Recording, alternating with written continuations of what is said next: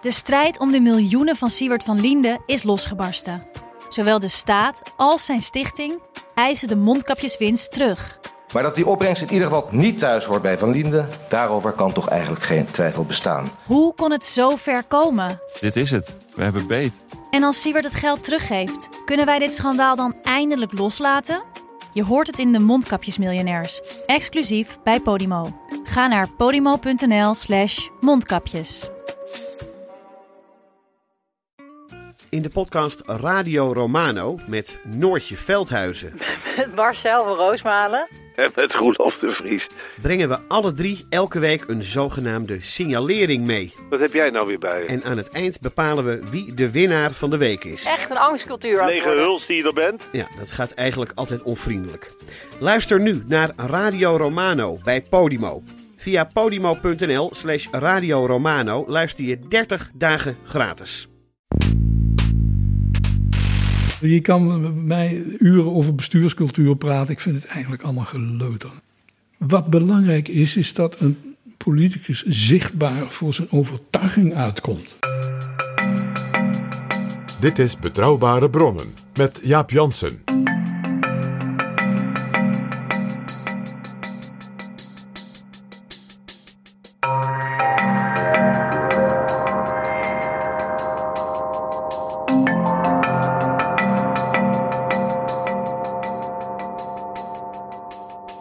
Welkom in Betrouwbare Bronnen, aflevering 232 en welkom ook PG. Dag Jaap.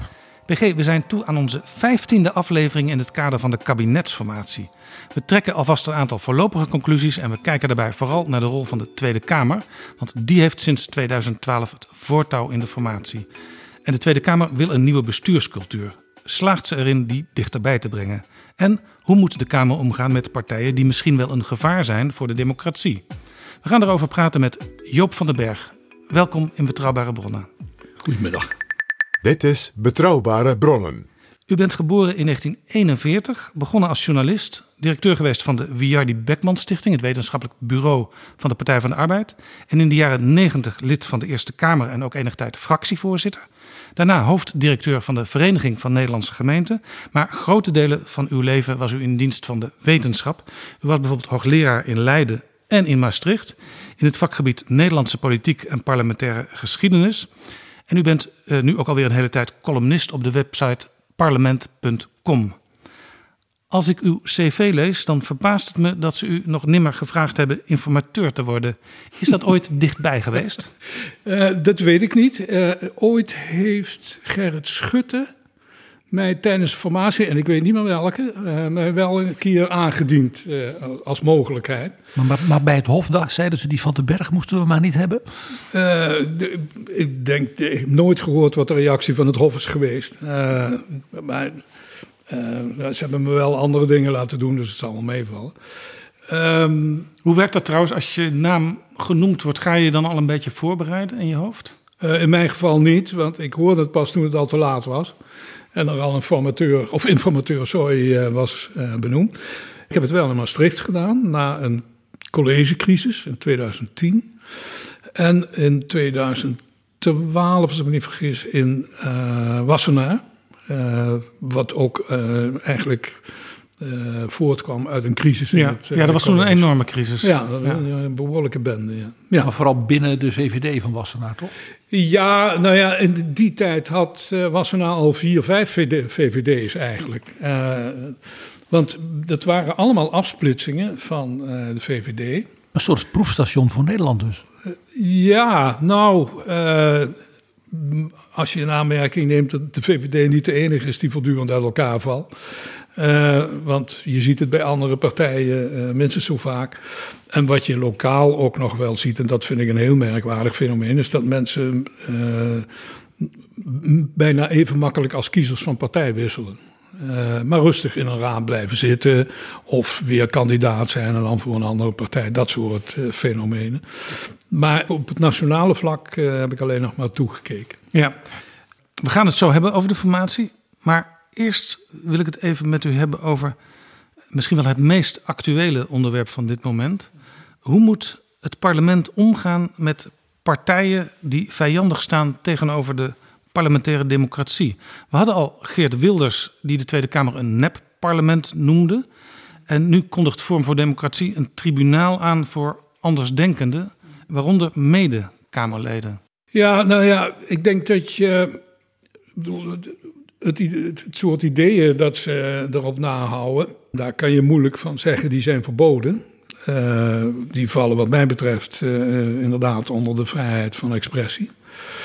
Maar uh, iets anders. Zeker is, in de Tweede Kamer, hè? want een Tweede Kamerlid is, nou, het woord immuun mag je geloof ik niet gebruiken, maar het is wel bijna immuniteit wat een Kamerlid nee, in kamer, de vergaderzaal Een Kamerlid heeft. geniet uh, parlementaire immuniteit. Dat wil dus zeggen dat hij voor datgene wat hij ter vergadering uh, meedeelt, of in de stukken ten behoeve van de vergadering, niet kan worden vervolgd. Dat wil niet zeggen dat hij niet aangepakt mag worden. Uh, dat schijnt het misverstand te zijn dat breed in de Kamer leeft.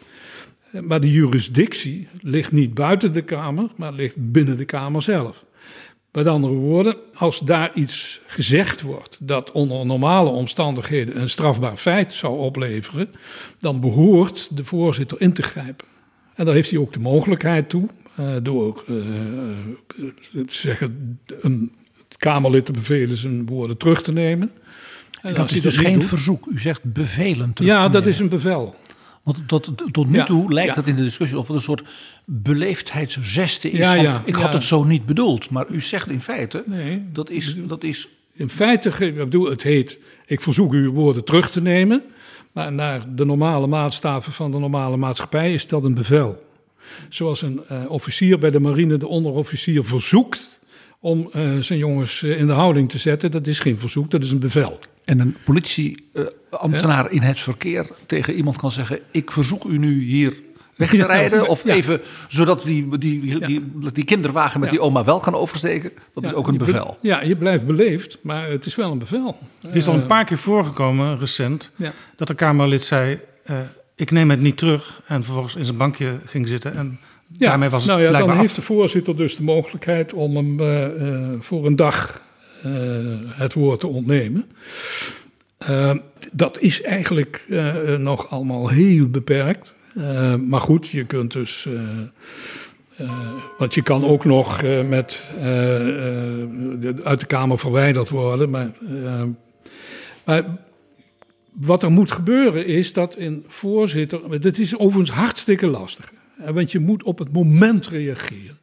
Eh, dus je moet eigenlijk ook zo snugger zijn, respectievelijk eh, misschien ook een dirty mind hebben, om te weten als die mevrouw of meneer dadelijk eh, het op de heupen krijgt, of haar, zijn heupen, dan weet ik dat het misgaat. Dus ik zit nu echt op het vinkertaal. En je vraagt aan oude voorzitters eh, hoe ze dat deden. eh, en dat komt dus. en je, je laat inderdaad wel eens iets lopen. Eh, je moet soms ook dingen laten lopen om te denken, nou ja, we, we- gaan niet escaleren als het niet nodig is. Een scheidsrechter laat op het voetbalveld ook wel eens een overtreding lopen om het spel niet te bederven. Maar eh, als het echt te gek wordt, dan moet je echt ingrijpen. Wat het probleem is, is dat als een voorzitter dat doet, eh, moet hij de absolute ruggensteun hebben van de meerderheid van de Kamer. En om te beginnen van het presidium.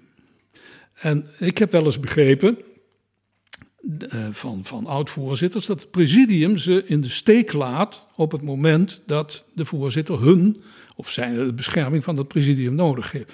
Daar moeten we dan echt van af. Of een voorzitter moet misschien toch iets heldhaftiger worden, maar dat, eh, ja, dat is dus ook riskanter. Ja, de voorzitter zou eigenlijk eh, de, de randen van de bevoegdheden moeten opzoeken. Ja, ja, Om, ja. om, om maar duidelijk te zijn. Ja, wat mij betreft hoeft het de rand niet eens te zijn. Hij moet de kern van zijn bevoegdheid op zich nemen. eh, en die uitoefenen. Eh, en dat is, eh, ik geef toe dat het en ingewikkeld is. en je moet ontzettend opletten. want voordat je het weet laat je iets lopen. Respectievelijk grijp je te vroeg in. Dat kan ook nog. Maar je moet wel ingrijpen. Ehm, en er zijn een aantal dingen in die Kamer in de loop van de jaren fors uit de hand gelopen.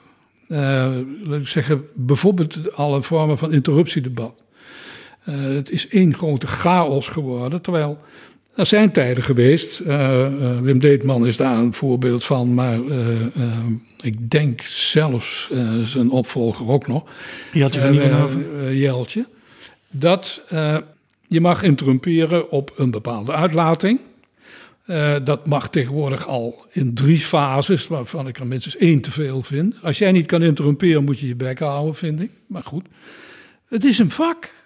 En dat moet je dus ook leren. Ik heb dat ook met knikkende knieën in de Eerste Kamer Vertel. staan oefenen. Maar hoe, hoe, hoe leer je dat? Ik denk dat voor onze jonge Door je bankje uitgetrapt te worden door uh, je collega naast je en zeggen, en nou ga je... Oh, dus een ervaren collega die zegt, Joop, en nu ga je die ja. lastige minister of die eigenwijze staatssecretaris ja, voor de je voet collega. Zei, dit kan je... Ja, ja, ja. Met, uh, met de bijbehorende uh, uitdrukkingen niet. En natuurlijk, dan loop je naar de microfoon en dan druk je hem in en laat hem weer los, omdat je denkt, ik heb de microfoon ingedrukt. En dan zeg je, je moet hem ingedrukt houden. Dus je, die eerste interrupties zijn rampen. Dat kan niet anders. Het moet fout gaan in het begin. Precies, maar zo leer je het ook. En op een gegeven moment begin je daar slag van te krijgen. Want ik heb met, weet ik nog wel, ik was een paar maanden Kamerlid met ademloze bewondering naar Jan Vis gekeken. Dus, uh, D66 fractievoorzitter. D66 fractievoorzitter, een hele langjarige vriend. Van, uh, en, en, een staatsrechtgeleerde hè, was hij. Ook, ja. En, maar ik liep op een gegeven moment uit de koffiekamer in de Eerste Kamer, dus de Kamer binnen, samen met hem. En hij ziet Peter Booms, eh, Boomsma eh, van het CDA daar staan oreren. En die had het nogal met zichzelf getroffen. Dus eh, Jan loopt naar de interruptiemicrofoon en pakt hem aan. Ik denk, hallo, je weet niet eens waar hij het over heeft.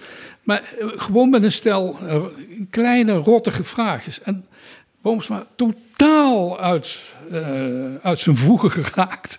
En nou ja, je zag wat een interruptie kan aanrichten als je het kunt. Hè? En toen zei ik achteraf tegen Jan: Jeetje, ja, als ik dat van jou zie, dan denk ik dat leer ik nooit. Zei hij, dat valt reuze mee. Ik heb ook een half jaar nodig gehad voordat ik voor het eerst naar die microfoon durfde. Uh, dat, enfin, dat moet je dus allemaal leren. En ja, je ziet dus nu nieuwe Kamerleden moeten het uh, in een razend tempo leren. Maar krijgen daar denk ik te veel ruimte voor. En het tweede probleem is, uh, dat zei Wim Deeman ook een keer tegen me, op één uitlating mag één iemand één keer interrumperen en daarna niet meer. Uh, en nu komen ze in serie achter elkaar. Ja, dan houdt het, dus, uh, houdt het niet meer op. En dan verdwijnt het debat ook in de chaos. Ik bedoel, dat, ja. uh, dat kan je niet maken. Wat, wat, wat er nu gebeurde, onlangs in de Tweede Kamer... was dat een Kamerlid, Pepijn van Houwelingen van Vorm voor Democratie... Ja. die dreigde een medekamerlid voor een nog niet bestaand tribunaal hmm. te slepen. Maar dat deed hij in een interruptie... Ja van het betoog van uh, de heer Sjoerdsma van D66, ja, ja. volgens mij over het buitenland. Ja, ja, En in de interruptie zei hij, uw tijd komt nog wel, met, met dus een soort dreigement, ook letterlijk in de toon, van een tribunaal dat zou komen. En dan raken we zo het vorige mm. punt van interrumperen, dat doe je op inhoudelijke dingen en niet om maar gewoon maar wat te roepen mm. tegen een collega Kamerlid. En ten tweede, uh, natuurlijk dat daar een soort ondertoon in zit, die natuurlijk hoogst opmerkelijk is. Het was overigens wel zo, het was, het was een, ja. een, tweede of een derde interruptie. En Sjoerdsma zelf, die uh, begon ook over uh, allerlei dingen die aan Forum voor Democratie niet deugden. Mm -hmm. Dus hij lokte het misschien uit. Maar wat, ja, er, vervolgens, wat er vervolgens gebeurde was dat de dienstdoend Kamervoorzitter, dat was Okje Tellegen van de VVD, mm -hmm. die legde het debat even stil en die riep de heer Van Houwelingen bij zich. Mm. En toen sprak ze blijkbaar iets af. En later in het debat zei de dienstkamervoorzitter... dit is precies niet wat we net hebben afgesproken. Mm. We hadden toch afgesproken dat u inhoudelijk vindt... dat tribunalen aanstaande zijn... en niet dat daar collega-Kamerleden voor mm. gedaagd worden. De lijst beklaagde dat het al werd opgemaakt tijdens het debat. Ja, ja. Nou ja, je ziet dat het begin nog wel uh, een zekere wijsheid heeft van stop even... Zo een beetje eigenlijk wel wat je aan het doen bent. En dan kan je zeggen, luister, dat ga je zo niet doen. Doet hij het vervolgens alsnog wel, dan is het afgelopen. Ik bedoel, een Kamerlid moet echt in de gaten hebben dat hij zich niet kan veroorloven uh, stunts uit te halen waarvan de voorzitter hem met zoveel woorden duidelijk gemaakt heeft. Dit kan niet en het mag in dit gebouw niet. Punt. Uh, anders ben je ook je jurisdictie binnen de kortste keer volledig kwijt. Nou ontstaat er een Uh, precedent voor andere Kamerleden als ook dat kan. dat. uh, maar daar kan je op een gegeven moment nog van zeggen: luister eens, uh, uh, dat is nieuw beleid, nou is het afgelopen. En natuurlijk, ehm, dit, ik denk dat het ook niet onverstandig is van uh, de voorzitter om nu te zeggen: van ik wil daar nu een discussie over met de Kamer. Ja, dat zegt Vera Bergkamp. Ja, maar die... dan moet ze wel ingaan met vingen van: dames en heren, weet wel dat ik dus ophoud met een aantal dingen te accepteren die ik niet aanvaardbaar vind. Want als je zegt, gut, zullen we het er eens over hebben, dan weet ik wel wat er gebeurt. Dan gebeurt ja, loopt, er niks de, van. loopt de Kamervoorzitter hiermee niet een enorm risico? Want uh, er zijn bij voorbaat al partijen, ook Geert Wilders heeft zich in die zin uitgelaten, die al bij voorbaat zeggen, wij trekken ons daar niks van aan. Ja, nou ja, maar ze neemt natuurlijk een risico. Maar zonder risico valt er niks te beginnen. Uh, en zeker niet voor een Kamervoorzitter. Uh, bedoel, ze heeft uh, doelbewust de, uh, haar verkiezing georganiseerd, zelfs ten koste van de zittende voorzitter. Ja, dan moet ze ook de consequenties nemen, vind ik. En dan maar laten zien wat er in, in een beschaafd parlement wel en niet kan. Even over de voorganger van mevrouw Bergkamp, mevrouw mm. Kadetje Ariep. Ja. Die werd geconfronteerd met ja, iets wat een beetje vergelijkbaar is. Mm. Uh, dat is dat ze vanuit de mensen van Denk. Uh, als het ware in een soort, soort, soort verdachte positie werd ge gebracht. Mm. Dat gold overigens voor andere. Ja. Uh, zeg maar, allochtone Kamerleden. Ja. En een tweede was, wat vond ik een heel opvallend iets. Dat was zeg maar in de laatste periode van haar voorzitterschap. Ja, dat wisten we toen nog niet dat dat het laatste mm. zou zijn. Dat zij alert werd op dat bepaalde interrupties helemaal niet bedoeld waren als nee. deelname van het debat of een inhoudelijke gedachtenwissel of een aanscherping, ja. maar voor, ik zal maar zeggen, filmpjes. Ja. En dat zij een aantal keren, dus bepaalde Kamerleden, bewijs ik het nog voor ze, uh, uh, een vraag hadden gesteld, wat u hiervoor al ja. gaf, dat je het bijna ruikt ja. als voorzitter hè, in je alertheid. Uh, van hier gebeurt iets, hier is iets aanstaande en dat wil ik dus niet. Nee. En, en, en ja, hoe ga je daarmee om? Was dat de goede insteek? Want die filmpjes is natuurlijk een heel nieuw verschijnsel. Ja, nee, bedoel, Torbekke uh, had dat nog niet. Uh, nee, nee, nee, en Romme ook niet. En uh, Vondeling nog niet eens. kijk, ja, je kan nou met je, met je telefoon kan je de dingen maken. En, en knippen. En dan vervolgens knippen en filmpjes ja, van maken. Nou, de, de, de, de, films worden gewoon ter beschikking gesteld. omdat mm. die voor de hele Kamer worden opgenomen. Ja, ja. Nee, maar... Uh, ook daar zul je uh, wellicht uh, regels moeten maken. Maar dat, daar heb ik eerlijk gezegd ook nog niet echt over nagedacht. Uh, in hoeverre je de, de, de opnamen die permanent gemaakt worden van het debat voor andere dingen mag gebruiken dan voor ja, gewoon het, het verslag. Ja, maar ja, dat raakt wel aan de vrijheid van meningsuiting ook aan de persvrijheid, denk ik? Nou, dat vind ik nog dubieus. Kijk, uh, als iemand per telefoon uh, zo'n opname maakt, dan heb jij gelijk, dan valt het onder de vrijheid van, uh, van meningsuiting. Tenzij je kans zou zien om al die telefoons te verbieden in de Kamer. Maar ja, nee, dan wel heel grof. Alles maar wat er in de plenaire een zaal... officiële opname van wat er is, uh, daar kan je inderdaad uh, van zeggen. Ik bedoel, uh, allerlei opnamen van de NOS kan je ook niet zomaar uh, als particulier gebruiken. Nou, ik bedoel, daar, dat, daar zit ook auteursrecht op. Als, als een Kamervoorzitter doorheeft dat een Kamerlid mm -hmm. eigenlijk iets niet doet uh, om het debat helder te krijgen, maar meer voor extern gebruik. Ja, dan zou de Kamervoorzitter ja. kunnen zeggen: uh, we zijn hier niet bezig met waar het in dit debat over zou moeten gaan. Ja, nou ja dat is ze natuurlijk ook wel gaan zeggen. Alleen of je daarmee uh, de, definitief de greep op dat soort uh, gebruik of misbruik, hoe je het noemen wil, uh, te pakken hebt, is dan ook weer de vraag. Ik denk dat je dat ook heel lastig onder controle kan houden. Ja, want het vervelende is dat, dat bijvoorbeeld Vorm van Democratie, in welke vergadering ze ook zitten, over welk onderwerp dan ook, beginnen ze vaak weer over dezelfde dingen die in feite dan bijvoorbeeld mm. in dit geval over aanpak van het coronavirus gaan. Ja. Daar kun je natuurlijk als voorzitter wel van zeggen van ja, dan moet u in een andere vergadering -hmm. over praten, want daar gaan we hier vandaag niet nee, over. is buiten de orde. Uh, het zijn allemaal dingen, kijk, Maar een slimme, Je zult... een, een, een, een slimme populist die, die, die heeft natuurlijk altijd wel ergens een methode om iets weer aan de orde te stellen. Wel, dat bedoel dat... eh, als de, je de, dat- de islam is een tijd lang, doet- ook bij elk debat, Oh, maakte ook, niet uit waar het over ging. Eh, laat ik zeggen, zorgen over de, Mm. het, eh, laat ik zeggen, de PISA-cijfers van de OECD, over de leerlingen in Nederland. Ja, dat was natuurlijk de schuld van de moslims. Hè? Ja, dan, kwam- ja. dan kwam. Beertema of anderen. Volkshuisvesting hetzelfde. Ja, eh, Ja. precies. Het tekort Nee, aan kijk, woningen kwam door de asielzoekers. Ja. Kijk, daar eh, eh, eh, op zich doe je daar in de Kamer niks tegen. Eh, dat is ja, deel van de tamelijk barre werkelijkheid van het, van het Kamerdebat. Je kunt, ik bedoel, je kunt redelijk wat straffer orde houden dan op het ogenblik gebeurt.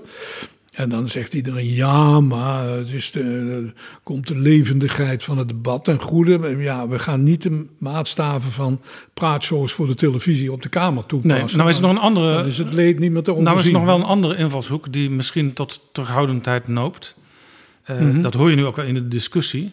Ja, stel je neemt het hardste wapen, namelijk eh, het lid uitsluiten voor de rest van de dag van de beraadslaging. Eh, dan wordt gezegd, ja, dat is eigenlijk precies wat ze willen. Want dan Ja. worden ze martelaar en dan hebben ze hun zin. Ja, ja, nou dat is niet wat ze echt willen. Zeker niet als het een aantal keren moet gebeuren. Dus dat lijkt me betrekkelijke onzin. Maar bovendien, eh, dan maar martelaren. Maar er zijn grenzen aan wat je in een kamer toestaat. En als iemand zichzelf vervolgens tot martelaar uitroept, hij gaat zijn gang maar. Maar in de Kamer gebeuren een aantal dingen niet die niet eh, acceptabel zijn.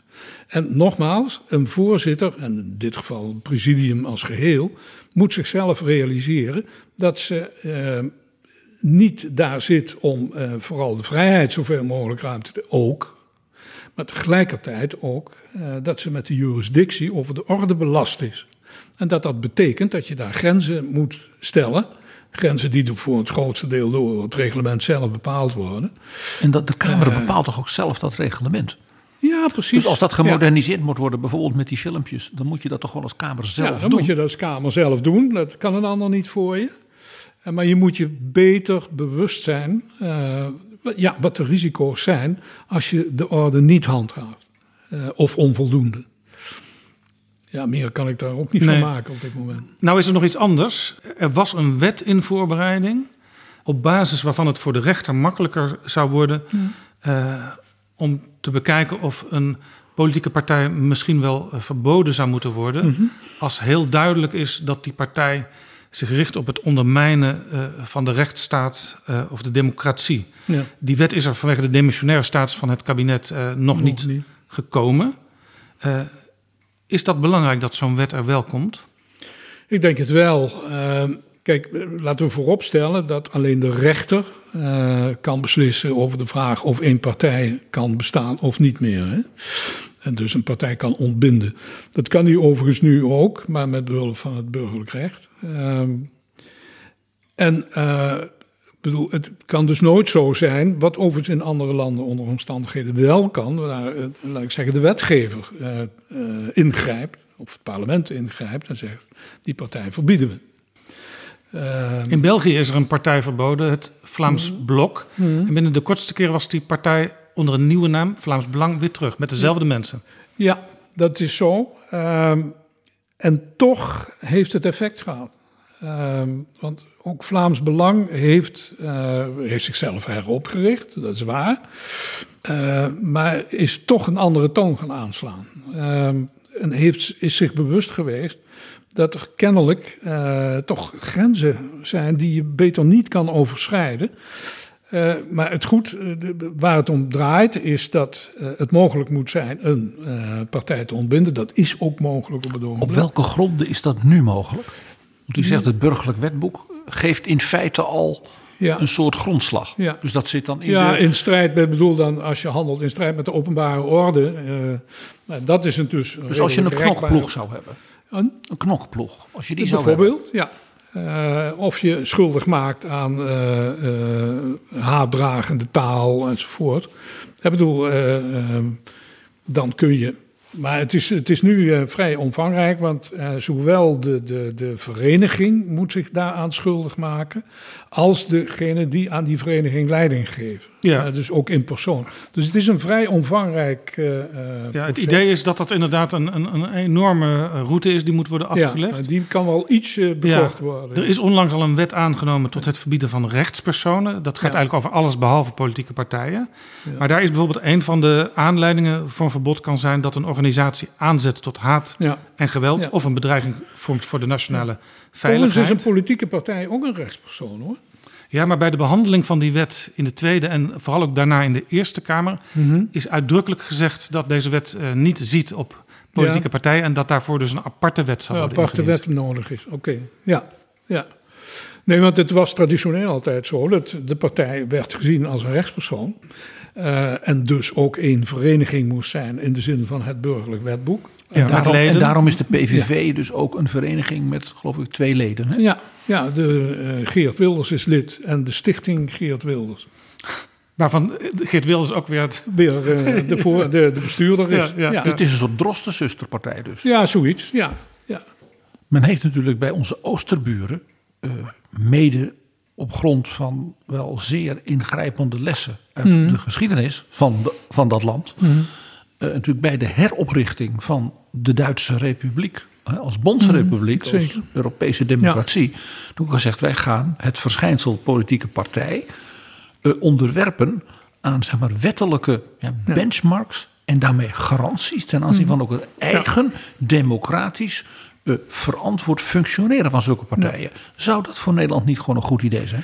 Nee, nou, het, het- als het inderdaad maar niet zo ver gaat als in Duitsland, want daar zijn de regels eh, redelijk straf, mag ik zeggen. Eh, dus daar vind ik eigenlijk nog steeds dat een democratische maatschappij eh, zo gezond moet zijn dat ze zelf met dat soort fenomenen kan afrekenen. Maar in Je ziet Duitsland nu al- zeiden ze na de oorlog... We hebben laten zien dat wij zo'n gezonde maatschappij niet waren in onze geschiedenis. Nee. eh, Better dat- safe than sorry. Ja, dat kan zijn. Eh, en ik sta er ook niet voor in dat eh, Nederland altijd eh, eh, de vriendelijke maatschappij blijft. Die ze voor het buitenland althans nog steeds eh, in hoofdzaak is. En ook denk ik wel voor ons eigen besef. Maar dat je wat waakzamer wordt dan je tot nu toe was, dat, dat lijkt me wel. Je moet alleen de illusie niet hebben dat je met regels eh, elk soort van dit, eh, van dit eh, fenomeen kan voorkomen. Ik ben zelf, op een gegeven moment was ik bezig met eigenlijk de, de, de, de, de constitutie van de Weimar-republiek. En daar werd veel aan toegewezen waarom het dan in Duitsland mis zou zijn gegaan. Het leuke is, als je die vergelijkt met de constitutie van de Franse Vijfde Republiek, lijken ze als twee druppels water op elkaar. En bij de een geldt het als eindelijk stabiele verhoudingen, terwijl de ander eh, eraan ten onder gaat. Dan denk ik, misschien ligt het dan wel niet aan die constitutie. En ze hadden alle twee een En- beroemde generaal als president. Ja, ja maar je, je kunt maar beter de een hebben dan de ander. Dat, was, dat was duidelijk. Eh, maar er moet een. Het is veel meer een sociologische vraag of een samenleving zo in elkaar zit dat ze in hoofdzaak de democratie bereid en in staat is te ondersteunen. Ja, het, het, vergt, het vraagt dus eigenlijk dagelijks onderhoud van alle deelnemers. Zeker. En dan eh, geldt dat niet alleen voor degene die het politieke ambt uitoefenen. eh, of degene die partijen organiseren. Dan geldt dat ook voor staatsburgers.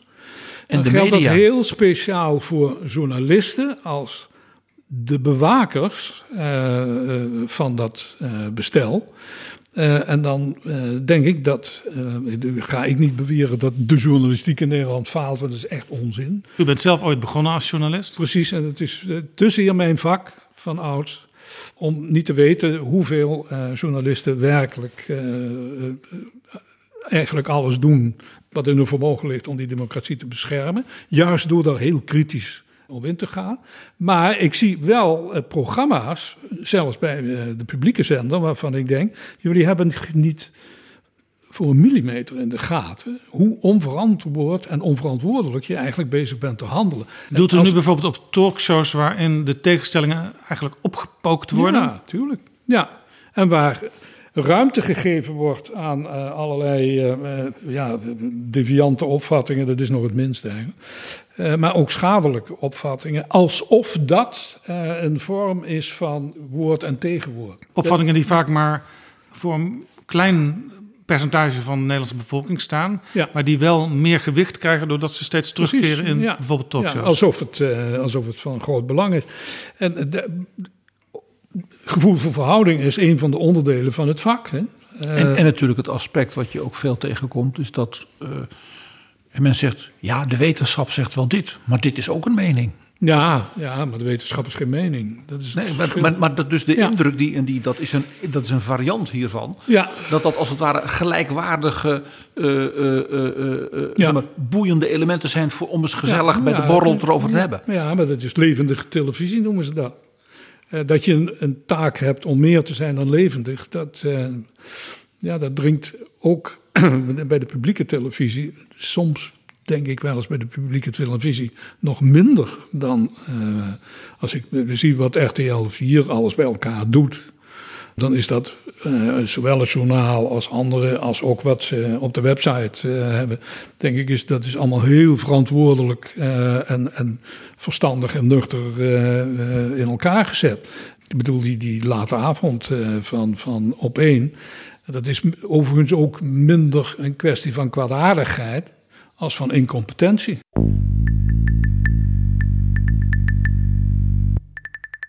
Herman Tjenk Willink was bij ons te gast en die zei... Vroeger was je als kiezer bereid om te stemmen op een hele duidelijke koers... en dus meestal ook op een grote partij, mm -hmm. want die kon wat bereiken... En nu zijn de ideologieën zo vervaagd dat de verschillen tussen die traditionele partijen eigenlijk klein zijn geworden. Hmm. Uh, en dat leidt er juist toe uh, dat kiezers uh, die hele kleine verschillen die er tussen al die verschillende partijen nog wel zijn uitvergroten. Hmm. En dus ook op een kleine partij stemmen die maar een paar zetels in de Kamer haalt. Ja, dat is ten dele waar. Um, maar kijk, we hebben natuurlijk altijd op de grote partij gestemd. Hoewel we wisten dat hij ook voor een hele hoop dingen stond die we op zijn zachtst gezegd flauwekul vonden. Of waarvan we zeiden, nou, veel moois is het niet. Maar de belangrijkste kern, daar staan we eigenlijk wel achter. En, um, en, en de ene keer was de lijsttrekker uh, of de woordvoerder van het terrein waar u bijzonder belang voor had, iemand die u meer aansprak dan de andere keer. Ja, nee, Om het zo te zeggen. Ja. En uh, uh, je kon het op een gegeven moment ook al meemaken dat de, de, de, politieke leider nou niet echt het soort man of vrouw was, meestal man, ja. Waarvan je dacht, nou, daar zou ik echt graag mee omgaan. Maar de partij stond voor zoveel meer dan dat. En nogmaals, je was bereid ook, en veel kiezers, daar gaat het om, waren bereid allerlei dingen op de koop toe te nemen. Uh, ik heb dat ook bij de Partij van de Arbeid in de jaren 70 heel goed gezien. Dat een hele hoop stemmers uh, allerlei, uh, zeg maar, nieuw-linkse ideeën totale onzin vonden. Maar Den Uil, maar ook de partij stond nog altijd hè, voor sociaal belang en voor sociale rechtvaardigheid. En er waren ook voldoende leidende figuren in zo'n partij waar zij hun stem wel aan wilden Precies, toevertrouwen. Precies, dat, bij wie dat ook allemaal voorop stond. Het partijbestuur zat daar inderdaad wel eens heel vreemd tussen, want die dachten dan: uh, nee, wij, uh, wij gaan nu, nu linksers echt uh, gaan we in de campagne voorop laten lopen. En dan kregen ze van de campagneleiding, wat gelukkig een vak apart is, te horen: dat gaat dus niet gebeuren, want de partij gaat eraan onderdoor. We willen Max van den Berg niet in de filmpjes. Uh, bijvoorbeeld. En eerder al, uh, uh, In van der Heuvel moest toch maar niet te veel, hoe heet het, laat naar buiten gebracht Laat staan in die tijd Jan Nagel. Ja, en ze, de campagneleiding, ja, de campagneleiding ging op een gegeven moment na, wie zijn nu de mensen waar kiezers zich toe aangetrokken voelden. Dus naast Joop, die toen toch wel... Dat waren waarschijnlijk over het algemeen in de ogen van anderen wat was saaie, gemiddelde, niet flamboyante ja, types. Niet gemiddeld. Niet gemiddeld. Dat was Wim Duisenberg, die natuurlijk voor de, het kader uh, ongeveer een toonbeeld van rechts was ja, in de partij. Want hij werd gezien als strenge minister van Financiën. Precies, ja, ga maar na. Uh, en die ook niet alles geloofde wat, uh, wat, wat er beweerd werd. En de ander was Max van der Stoel. tot stomme verbazing van bijna iedereen. Hè, want die niet echt vlot praten voor de camera. Geen Maar linkse, ieder- linkse activist in Nee, zijn manier van doen en Nee. denken. Maar die eh, wel voor dingen opkwam die gewone mensen, als het gaat over de internationale politiek, wel belangrijk vinden. Mensenrechten, eh, vrede bevorderen enzovoort.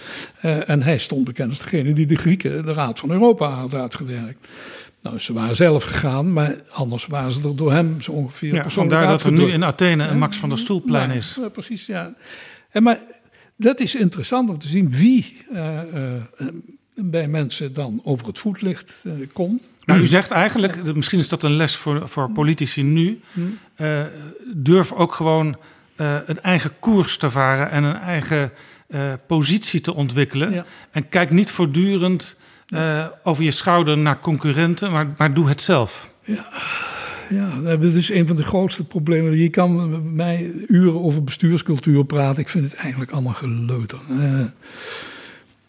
Wat belangrijk is, is dat een politicus zichtbaar voor zijn overtuiging uitkomt. En dat Eh, mensen en- zich daar blijkbaar mee kunnen identificeren. Want wat u zei, dat, dat Ja. was mensen die lazen niet elke speech van Van der Stoel die hij bij Nou, de nee. VN of in de EU hield. Maar men had wel het gevoel, die man, Ja. die staat voor iets staat waar, ik, waar voor. ik mij niet alleen bij thuis voel, maar waar ik ook af en toe een beetje trots op kan zijn. Ja. Dat zo iemand Ja. dat voor mensenrechten doet. Ja, nee, precies. Eh, maar überhaupt iemand die voor zijn overtuiging staat. Eh, Ook en als je die dus- overtuiging niet altijd deelt.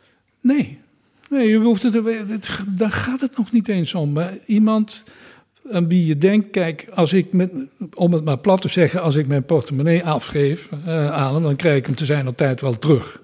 Hè? Terwijl bij een hele hoop denk je, ja, dit, eh, ik zou het niet durven. En je ziet mensen hun opvattingen op allerlei momenten aanpassen aan de omstandigheden waarin ze verkeren. En natuurlijk, je moet een zekere souplesse in de politiek eh, opbrengen. Maar er is meer dan de peilingen. Maar Oh ja, dat u zegt eigenlijk, als ik een conclusie mag trekken...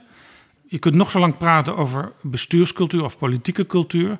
maar uiteindelijk moet de politicus het zelf doen. Ja, en je moet hem kunnen geloven. Eh, en je kan hem alleen geloven als hij ja, als die geloofwaardig optreedt en dus ook eh, zijn momenten kent, of haar momenten, eh, waarop hij zegt, ja, maar eh, hallo, hier wordt bij mij de grens overschreden. En ik doe dus even niet meer mee. En dat heb je als je dus een partij hebt, want dan komen we op het verschijnsel van die partij weer terug. Ja. Die dus op een herkenbare manier en ook een, zeg maar, op fatsoenlijke manier georganiseerd is. Zodat die overtuiging Ja. op die manier ook zeg maar, Ja. opgebouwd wordt en uitgedragen. Ja, daar zit eh, inderdaad een interessant probleem. Ik heb altijd beweerd, eh, en als ze me de kans geven, beweer ik het nog steeds, dat een sociaal-democratische partij pas interessant wordt, ook voor zijn kiezers, als ze merken dat daar eh, voortdurend gedonder in de tent is. Want dan zijn ze met elkaar bezig de goede. eh, Maar dat is typisch iets wat campagneleiders niet ja, willen. Nee, verbieden, tuurlijk. Maar ze verbieden het helaas niet helemaal ten onrechte. Eh, omdat ook door het hele eh, het systeem van communicatie eh, in een maatschappij als de onze, interne discussies, zelfs ook harde discussies, als het ware verbrokkeld worden in, in stukjes. En iedereen denkt, ze zijn daar gek geworden. Ik bedoel, wat is dit voor onzin? hè? En, en het zwart-wit wordt gemaakt. Ja, precies. En dus ook in morele termen wordt uitgelegd van hij deugt niet. Of zij deugt niet. Eh, dat maakt het voor een partij eh, van links überhaupt, eh, niet alleen de sociaaldemocratie, maakt het dus ontzettend lastig om dat te doen wat er altijd bij gehoord heeft. Ik bedoel, lees de geschiedenis van de sociaaldemocratie in Nederland. De eerste jaren van zijn bestaan, dat is een prachtig proefschrift van Adriaan van Veldhuizen, een historicus uit Leiden. Die laat daar zien wat voor een enorme rotzooi eh, die beginnende sociaaldemocratie was. Niet eens een politieke partij, nee, een zangvereniging of een harmonie. Of, eh, het was van alles en nog wat. En dat stond elkaar naar het leven. Er waren ook familiebedrijven eh, in het begin. Dus, maar het is toch groot geworden. Het is moeilijker geworden om de discussie met elkaar te blijven voeren. En ook op het scherp van de snede. Zonder dat daar schadelijke effecten door optreden door uh, de manier waarop communicatiemedia werken en social media vooral. Maar het kan toch niet zonder. En ja, dan moet je de vorm vinden die er het beste bij past. En daarbij past althans zeker niet dat er geen hoorbare discussie meer is in parlementaire fracties. Want die zijn daarvoor. Kijk, je, je moet inderdaad. We kunnen het over de formatie nog hebben, dadelijk geloof ik. Uh, je kunt het over een regeerakkoord hebben en over de noodzaak daarvan. Dan heb ik vrij straffe opvattingen over. Daar gaan we het zo over Maar dat wil niet zeggen dat je als Kamerlid daarmee je vrijheid prijsgeeft. Uh, om alles goed te vinden. Dus een Kamerfractie moet ook durven mm-hmm. te zeggen tegen buitenstaanders: wij zijn nog in discussie over dit onderwerp. En ze moet zelfs bereid zijn om misschien de twee verschillende standpunten ook uh, mm-hmm. te laten klinken in het openbare debat. Ja, Wat we hier ook zien, is natuurlijk ook weer door de veranderingen in de politiek en die versplintering, dat in heel veel partijen dat soort discussie onmiddellijk aanleiding is tot wat ik maar gewoon noem zuiveringen. Mm-hmm. dan is dus iemand die zegt, nou ja, ik wil toch eigenlijk dat. En dan moet zo iemand de partij uit. Mm-hmm. En dat is ook een aanleiding weer, zeker ook in uh, uw uh, vroegere Eerste Kamer, tot het uit elkaar spatten mm. van soms zelfs vrij grote fracties. Je zag het in de Eerste Kamer natuurlijk met Forum. Uh, die zelfs in meerdere brokken weer, hè, brokken die weer van brokken uh, Maar het gebeurt ja. soms ook als sanctie bij het samenstellen van de lijst. Bepaalde Kamerleden keren niet verkiesbaar terug, omdat ze zich een keer dissident ja. hebben opgesteld. Mm. Ja. En dat wordt dan dissident genoemd, dus, dat is ook als een woord. Ja, dat is dus, geen, dat, heeft, dat, is dus niet bevorderlijk. Daar heeft de Partij van de Arbeid ook een aantal jaren behoorlijk last van gehad. Veel meer dan in mijn tijd, moet ik zeggen. Uh, dat vind ik niet het fraaiste kenmerk van de Samson-periode, om het maar zo te zeggen. Ik bedoel, ik heb veel met die jongen op. Maar daar uh, uh, ja, heeft hij echt niet goed gewerkt.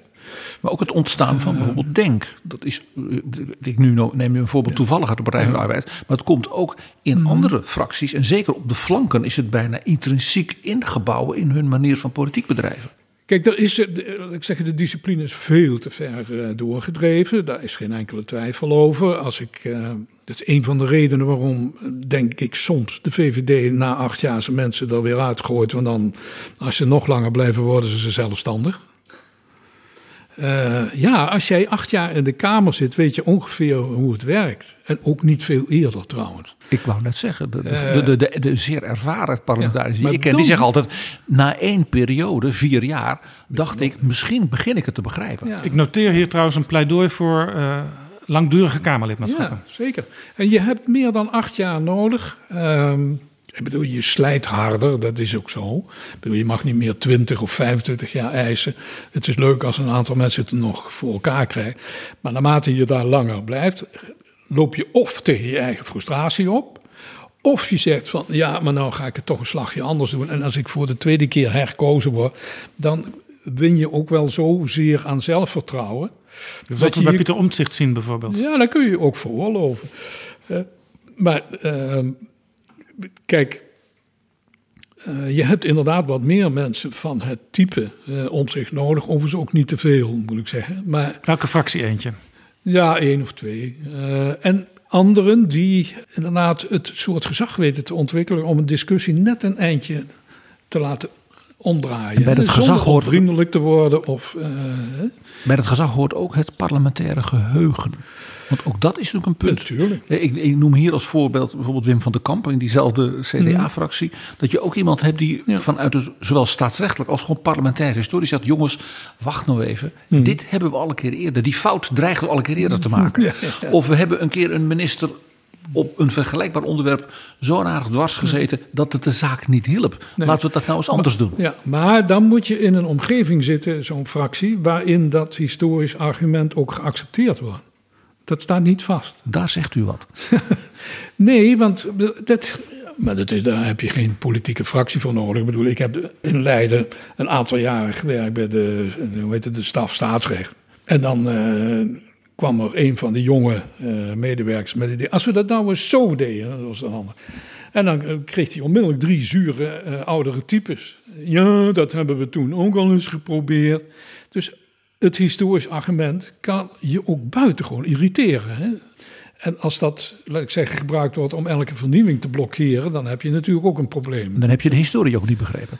Nee, uh, maar daar kan je hele discussies over voeren.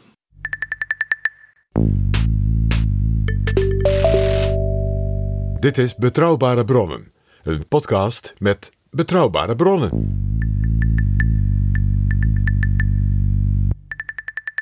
Laten we over iets gaan praten uh, waar historie heel erg aan Ja. de orde is, maar ook uh, de actualiteit. Mhm. De kabinetsformatie. Ja. Op dit moment speelt de langste kabinetsformatie uit de Nederlandse parlementaire geschiedenis. Mhm. Uh, we gaan een aantal elementen doornemen. We zijn, we zijn wel vroeg, Jaap, daarmee. Rustig.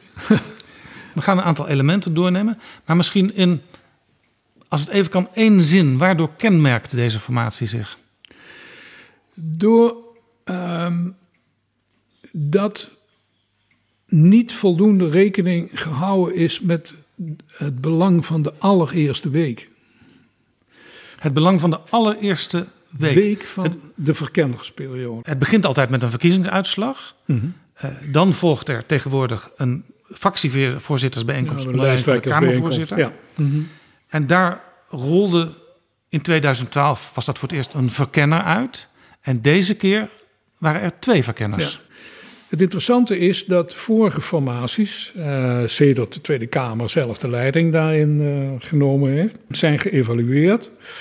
Uh, door Paul Bovendeert samen met een andere Carlo van Balen de eerste keer, Peter Bootsma de tweede ja, keer. Die evaluaties waren en redelijk de, positief. En die evaluaties waren eigenlijk heel positief. Ik vond dat ook terecht trouwens. Al was het maar omdat ehm, de eerste formatie liep natuurlijk als een trein. Uh, Toen werd Henk Kamp verkenner en ja. later kwam Wouter Bos er als informateur ook als nog informateur, bij. En ja. vrij snel was er een kabinet. Ja, uh, dus uh, de, daar liep alles model. Ook naar maatstaven van formaties überhaupt. De tweede, daar liep het veel moeilijker. Maar de, de, voor de eerste fase, namelijk de principiële vraag wie met wie, hadden ze drie maanden nodig. Um, en onder andere het optreden van Cenk Willink en zo. Maar het interessante was dat ze in staat waren, die fractievoorzitters, om iemand van buiten te halen die zelfs niet eens behoorde tot de partijen die het samen zouden moeten gaan doen. Ja, dat is mooi. He, dus dan laat je zien dat je je um, bewust bent hoe belangrijk die formatie is. En ook hoe, uh, ja, hoe je op een gegeven moment iemand nodig hebt die een zekere afstand heeft tot uh, het bedrijf van alle dag. Je wilt dus dan zo iemand met die afstand. Ja, ja. En waarom wil je dat? Omdat je wel degelijk ziet dat jij te veel uh, betrokken bent bij het proces en te onmiddellijk. En je dus iemand nodig hebt die iets meer afstand heeft en die af en toe ook tegen jou kan zeggen: Nou, rustig aan nou even. Of uh, heb je ook aan die alternatieven gedacht enzovoort. U zegt dus eigenlijk dat was een goede zet. Is er een fout gemaakt door in het begin van deze formatie meteen twee zeer betrokken mensen ja. uit de grote partijen VVD ja. en D66 daar neer te zetten? Twee keer fout. Te weinig afstand. En bovendien meteen met twee uh, informateurs werken. Niet dat die mensen niet deugen, daar gaat het helemaal niet om. Uh, het zijn twee eerbare vrouwen die. Annemarie uh, Jorritsma, die Kajsa op hun manier heel uh, intelligent zijn. Annemarie meer door de ervaring die ze als politica heeft opgedaan. En uh, Kajsa Olongren doordat ze, laat ik zeggen, die hele bestuurlijke, ambtelijke ervaring met zich meemaakt. Dus het gaat niet om mensen die het niet kunnen. Maar, ze hadden een op zich overzichtelijke opdracht, een soort inventarisatie maken van dit ja, zijn de politieke ja, verhoudingen. Maar, precies. Maar het interessante is dus dat in evaluaties die eerste week nooit onderzocht of besproken is. Dat is nooit. Over uh, die vorige keren nee. heeft men nooit gezegd van nee. wat doen we daar eigenlijk? Nee, wat doen wij die eerste week eigenlijk? Ja. Het rare is, die evaluaties gaan over de formatie vanaf het moment dat er een informateur is. En die is er niet na de verkiezingen? Nee, die moet er eerst nog komen. Dus de fout heb je dus een verkenning is nu ook gemaakt, zou je maar kunnen zeggen, dus, omdat er niet voor gewaarschuwd is van tevoren. Is er, nee, maar er is onvoldoende gezien, mede door die evaluaties, maar vooral bij de, bij de Kamer zelf, hoe volstrekt cruciaal die eerste week is. Dus in de politiek is de eerste week bijna altijd ongeveer cruciaal. Want daar kun je dus fouten maken die al die tijd blijven doorwerken. Doordat je de eerste week verpest, want dat is het. Uh, het zet een, niet, het zet een hypotheek op het alles wat daarna ja, gebeurt. Maandenlang blijft dat en tot de dag van vandaag. En, en zegt u nu eigenlijk uh, de allereerste keer dat er zonder de koning werd geformeerd was in 2012. Toen werd Henk Kamp mm -hmm. verkenner. Mm -hmm. Dat het toen eigenlijk uh, per ongeluk heel goed is gegaan. Ja, je kunt zeggen per ongeluk. zonder dat er veel over nagedacht is. kwam Mark Rutte onmiddellijk met de kandidatuur van van uh, Henk Kamp. Henk uh, Kamp. Ja, maar dat is ook een man die in staat is om afstand te nemen, ook van zijn eigen politieke chef. Hè. Dat was met Edith Schippers trouwens ook. Maar hier waren twee mensen die misschien wel een zekere afstand hebben tot de Kamer. dat wil ik nog wel aannemen. Maar door echt twee te nemen, politiseer je het onmiddellijk. Ja, er waren ook twee mensen het werd die... dus meteen ook partijpolitiek werd, door twee partijen ja. van ongeveer dezelfde kleur, namelijk ja. liberaal. En ook twee Zou mensen ook één die... iemand kunnen nemen met... Uh, je kan maar... Dat zou ook een liberaal kunnen zijn, zoals Henk Kamp, maar die Iedereen, net anders zit. En ook mensen die in het dagelijkse werk heel dicht bij Mark Rutte stonden. Mm. Ja, nee, het gaat erom, je moet nu al niet met z'n tweeën. Want die twee gaan met elkaar uh, aan het werk. En uh, in discussie, voordat je het weet. En dat, dat, dat compliceert de zaken. Ik bedoel, ik herinner me nog echt dat ik als een horror beschouwde dat uh, in 1998.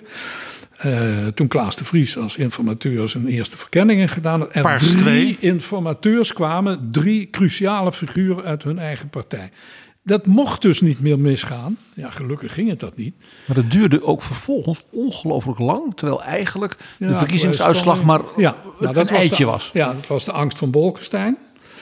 Eh, die altijd grote du- eh, verdediger van dualisme was. Totdat hij dacht, ja, dadelijk eh, ga ik dualistisch de mist in.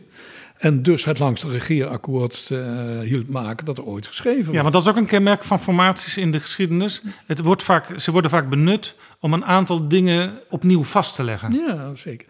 Nee, maar zo'n een verkenning is een verkenning. Dat moet je niet weer eh allerlei... Dat is dus geen onderhandeling. Dat is wat u bedoelt. Nee, precies. Dat is iets echt om je heen kijken en niet afgeleid worden door een mede-informateur. Om je heen kijken en zeggen, waar zitten nu eh, eh, eh, de, de moeilijkheden, waar zitten de mogelijkheden. zodat je met een beetje verstandig advies kan, kan komen. Ja, kijk, en dan komt daar natuurlijk bij die, die verschrikkelijke foto met... eh, Ja. eh, De verkenning ging, Ja. ging, ging mis. Eh Keizer Olongeren bleek eh, corona te hebben. ja. En moest meteen vertrekken. Vergat eh, het papiertje af te dekken waarop stond Pieter Omtzigt, Ja. functie elders. Eh, vervolgens Er stond nog veel meer op dat Vervolgens- papiertje, maar dat is iedereen vergeten. Nee, nee. Vervolgens vroeg Nee, de Kamer: mogen wij alle stukken zien die tot nu toe Ja. geschreven zijn?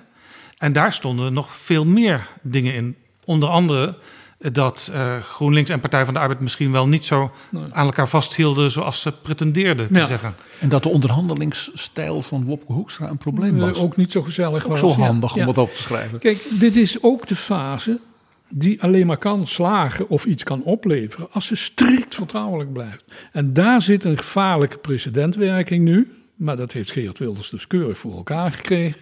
Ja, want Geert Wilders die, die zette eigenlijk het debat op 1 april. Dat was ook dat lastige debat waar eh, Mark Rutte Mhm. Ja. Mhm. eh, een, een motie aan zijn broek kreeg. Die eigenlijk Twee, ja. in sommige gevallen had moeten leiden tot zijn vertrek uit de politiek. Nee, maar ik bedoel, daar ging dus eh, in zoverre alles mis. Maar wel mis volgens de bedoelingen van Geert Wilders. Hè? En daar is de hele Kamer ingestonken. Eh, en dat vind ik nog steeds een tamelijk bar feit. Dat niemand het hoofd zo koel hield dat hij dacht... hallo, wij worden hier op een hele specifieke... eh, en overigens wel eh, ingenieuze manier in het pak genaaid. Want hoeveel drama maak je over dat zinnetje over Pieter Omzicht? Dat is natuurlijk, eh, daar kun je zoveel drama over maken als je wil. Je kunt ook zeggen, hallo, dat is niet erg netjes. hè? dat jullie het daarover hebben als je dat toch ziet. Maar de reactie van en de ver- informateurs en de verstandigen in de Kamer had moeten zijn... De, hier wordt helemaal niets openbaar gemaakt. Was Dit hier, is een ongeluk. Was het misverstand hier dat de. Kamer dacht... ja, wij zijn nu de regisseur in feite van de kabinetsformatie... dus wij moeten nu ook alles weten, want het is misgelopen. Ja, nee, wij zijn de regisseur, maar we zijn de regisseur van die fase die geacht wordt vertrouwelijk te wezen. En dus regisseren wij dat die vertrouwelijk blijft. Eh, maar daar zie je dus, ehm, kijk, er wordt heel vaak gezegd van ja, ja, bij de koning was dat niet gebeurd. Dat denk ik onzin. Als Ja, daar- nou ja, Cenk Willink die zei tegen ons... eh, Ja, hij was bij ons te gast... Hmm. Ehm, de koning die zorgde er eigenlijk voor eh, dat er weer een soort nieuwe balans kwam... waarin, waarin de, de partijen weer min of meer op hetzelfde level kwamen. En nu heb je automatisch dat de grootste partij de dominante factor wordt. Terwijl dat misschien niet altijd een logische partij is in een nieuwe coalitie. Ja, dat vind ik toch eh, een misinterpretatie, als ik het zeggen mag. Maar ja, eh, Herman heeft eh, nog steeds veel op met een rol voor de koning. Ik vind het eigenlijk nog steeds een beetje vervelend dat dat niet meer zo is.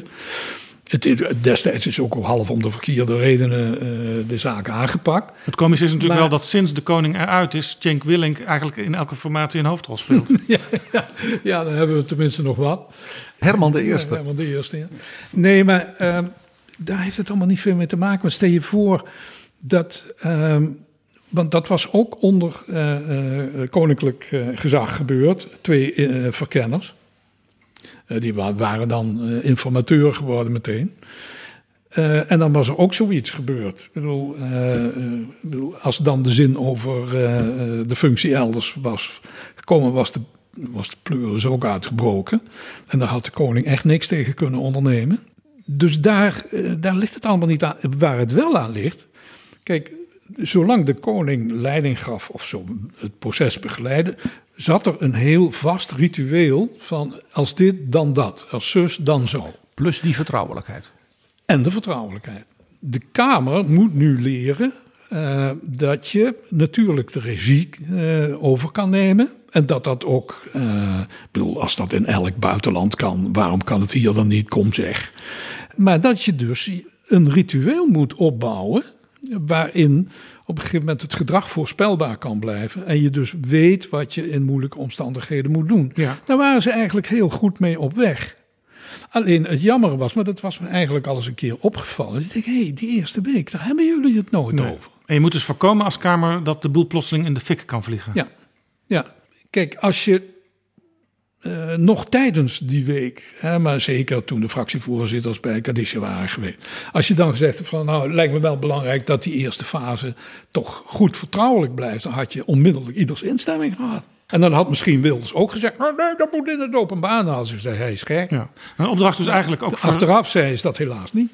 Een opdracht noteer ik dus ook voor de komende evaluatie van deze kabinetsformatie. Kijk ook vooral naar die allereerste, Allereerste fase. fase, ja. En, beg- en begrijp wat de rol is van een regisseur. Ja. Ik moet eerlijk zeggen, als opera-liefhebber er een- meteen aan denken.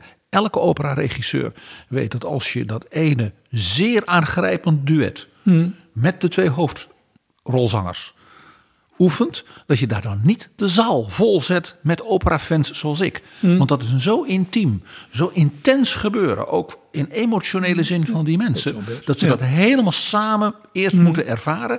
En dan komt er nog een generale repetitie, waarbij ze alle kleren aan hebben. En, wat dan niet, en dan pas komt de première. Toen trad Herman Tjenk Willink aan. Ja. En wat die ging doen was eigenlijk zijn eigen gedroomde methode toepassen. Eerst analyseren wat er in Nederland aan de hand is. En daar dan later partijen bij zoeken. Was dat een goed idee? Ja, ik denk, ik weet niet of de dames en heren eigenlijk doorgehad hebben dat dat de opzet was. Uh, nee, ze zaten natuurlijk zo. Uh, dat is gek, hè? Want in deze formatie is een aantal keer aan de orde geweest, zowel bij Cenk Willink als bij Mariette Hamer, die uh, Cenk Willink opvolgde. In persconferenties moesten zij uitleggen, ook aan de journalisten, mm. wat er eigenlijk met de Kamer was afgesproken in die motie op basis waarvan zij opereerden. Mm -hmm. En mevrouw Hamer heeft in gesprek met jou en mij, Jaap, verteld dat zij zelfs Kamerfractieleiders in haar eerste gesprekken en detail moest gaan meenemen. Ja, maar in jouw eigen motie staat dit en dit en dit en dit wat ik moet doen. Jullie willen dat ik met jongeren praat, met ouderen praat, met de meest getroffen sectoren. Dus als nu wordt geroepen dat mensen, roep maar allemaal mensen bij zich. Dat is omdat de Kamer dat van mij eist. Maar met andere woorden, er werd dus eigenlijk misverstand op misverstand gestapeld. Ja. Nou ja, dan was het ook een slimme reactie. Want ze wilden natuurlijk En uh, dat, laat ik zeggen, het probleem dat door de eerste week was geschapen, dat dat weer opgeheven werd. En ze wilden eigenlijk ook wel voortgang maken. Uh, ja, je snapt wel dat je daar niet gratuit gaat zitten leuteren. Nee, en dat was het werd het wel. Ja, en dat was natuurlijk toen Cenk Willing begon, en dat was bij het begin van Hamer nog steeds aan de orde. Ja.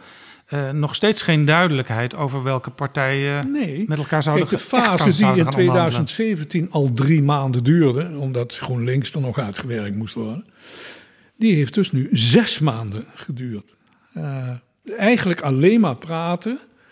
Uh, en dat om, om het een beetje ja, level te geven en gewicht moest er iedereen uitgenodigd worden enzovoort. Uh, en als je er dan wat van zei, zei Mariette natuurlijk terecht, hallo, dat heb je zelf gewild. Maar je hebt het zelf onder andere gewild om tijd te winnen.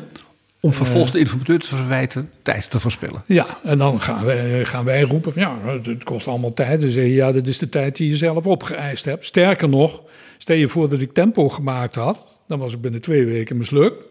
Ja. En dan had je me daar ook weer de schuld van gegeven. Ja, u zegt dus eigenlijk: het had ook niet anders gekund, misschien. Nee. Nee. Kijk, wat, wat Herman gedaan heeft, dat is buitengewoon verdienstelijk. Aan de ene kant natuurlijk ook zeggen van... zeg, zou je het dus over een paar vraagstukken willen hebben? Want dat gezeur eh, tot nu toe gaat nergens over. Ik bedoel, dat, zegt hij dan veel beleefder dan ik het nu doe. Uh, maar hij zegt wel ongeveer hetzelfde. Ja, hij zegt toch denk ik ongeveer hetzelfde. Want uh, er moet dadelijk wel geregeerd worden. Hè? Dus, uh, wil en als even... je daar geen zin in hebt, zeg dat dan nu vast. Ja, ja. Dan kunnen we verder. Ja, maar iedereen had zin. Dat was een beetje het vervelende. Dat was interessant dus, hè? Men had allemaal zin. Ja, er was niemand, behalve denk ik in zijn hart... Geert Wilders van de wat grotere partijen... die niet wilde regeren. Terwijl ik zat te denken. Uh, de enige die daarnaast aarzelde was de Partij van de Arbeid. Van, ja. Maar ze hadden voor de verkiezingen met elkaar afgesproken: we trekken samen op of we doen het niet. Met en GroenLinks, GroenLinks wilde dolgraag. Uh, ja, dan ben je trouw en netjes en dan doe je mee. Uh, dus ik kan me voorstellen dat in die eerste fase je weliswaar wel af en toe snoof. ze staan er toch mentaal verschillend in. Dat is nog niet iets anders dan dat je elkaar loslaat. Want dat is politiek iets anders. En ik heb nooit de twijfel gehad dat ze elkaar, als ze onder druk gezet zouden worden, dat ze elkaar los zouden laten. Dat, dat is een idee dat is gaan rondzingen en dat afgeleid werd uit de teksten van die eerste week. Partij van Arbeid en GroenLinks zouden elkaar niet loslaten. Nee, nee. nee. Ik denk dat, uh, dat, er, dat die twee geen moment. Uh, nou, blijkt uit. Dus, dus, dan is Bart snel terecht opgestapt. Ja, maar bovendien, hij is ook nog om, in die zin om de verkeerde uh, reden opgestapt. Omdat hij dacht uh, dat moet uit elkaar te halen zijn. En dan doet GroenLinks mee en de PvdA niet. Dat is misverstand.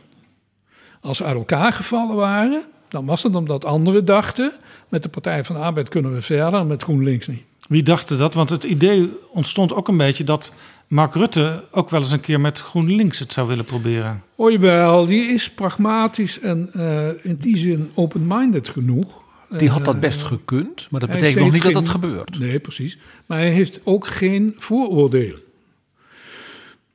Want het vooroordeel tegen GroenLinks vooral zit bij het CDA. Wat is het vooroordeel van het CDA? Dat ze met GroenLinks nooit. Uh, die hebben iets tegen boeren. Uh, dat zijn uh, mensen die überhaupt met hun hoofd in de wolken Een soort D66 in het kwadraat. ja, in ieder geval veel erger. en weliswaar kijk je dan toch met een hele curieuze blik naar wat GroenLinks is. Maar ja, Sibrand Buma is er in 17 ook nog in geslaagd. Ook uh, omdat uh, toen het over. Die heeft GroenLinks buiten de formatie gehouden in 2017. Toen het over de migratie ging, ze inderdaad een uh, te orthodox standpunt vasthielden. Uh, omdat ze tegen die Turkije-deal waren. En ik, dat je daar tegen bent, dat snap ik wel. Alleen ja, de wereld zit eenmaal zo in elkaar. Ja. Uh, dus, uh, een jaar of wat, la een jaar of wat later kon Jesse Klaver eigenlijk niet meer uitleggen waarom ze er toen uitgestapt nee, zijn. Dat, het kon toen al niet, was mijn Het kon toen, had hij er al de grootste ja, mogelijke Bram van Ooyen wist hij ook niet overtuigen. Nee, hij had ook een fractie, die, vooral Katelijn, die, die daar heel... Katelijn Buitenweg? Eh, die daar heel zwaar eh, in zat. En zei, Dus ja, Buma had misschien wel een beetje gelijk. ja en nee.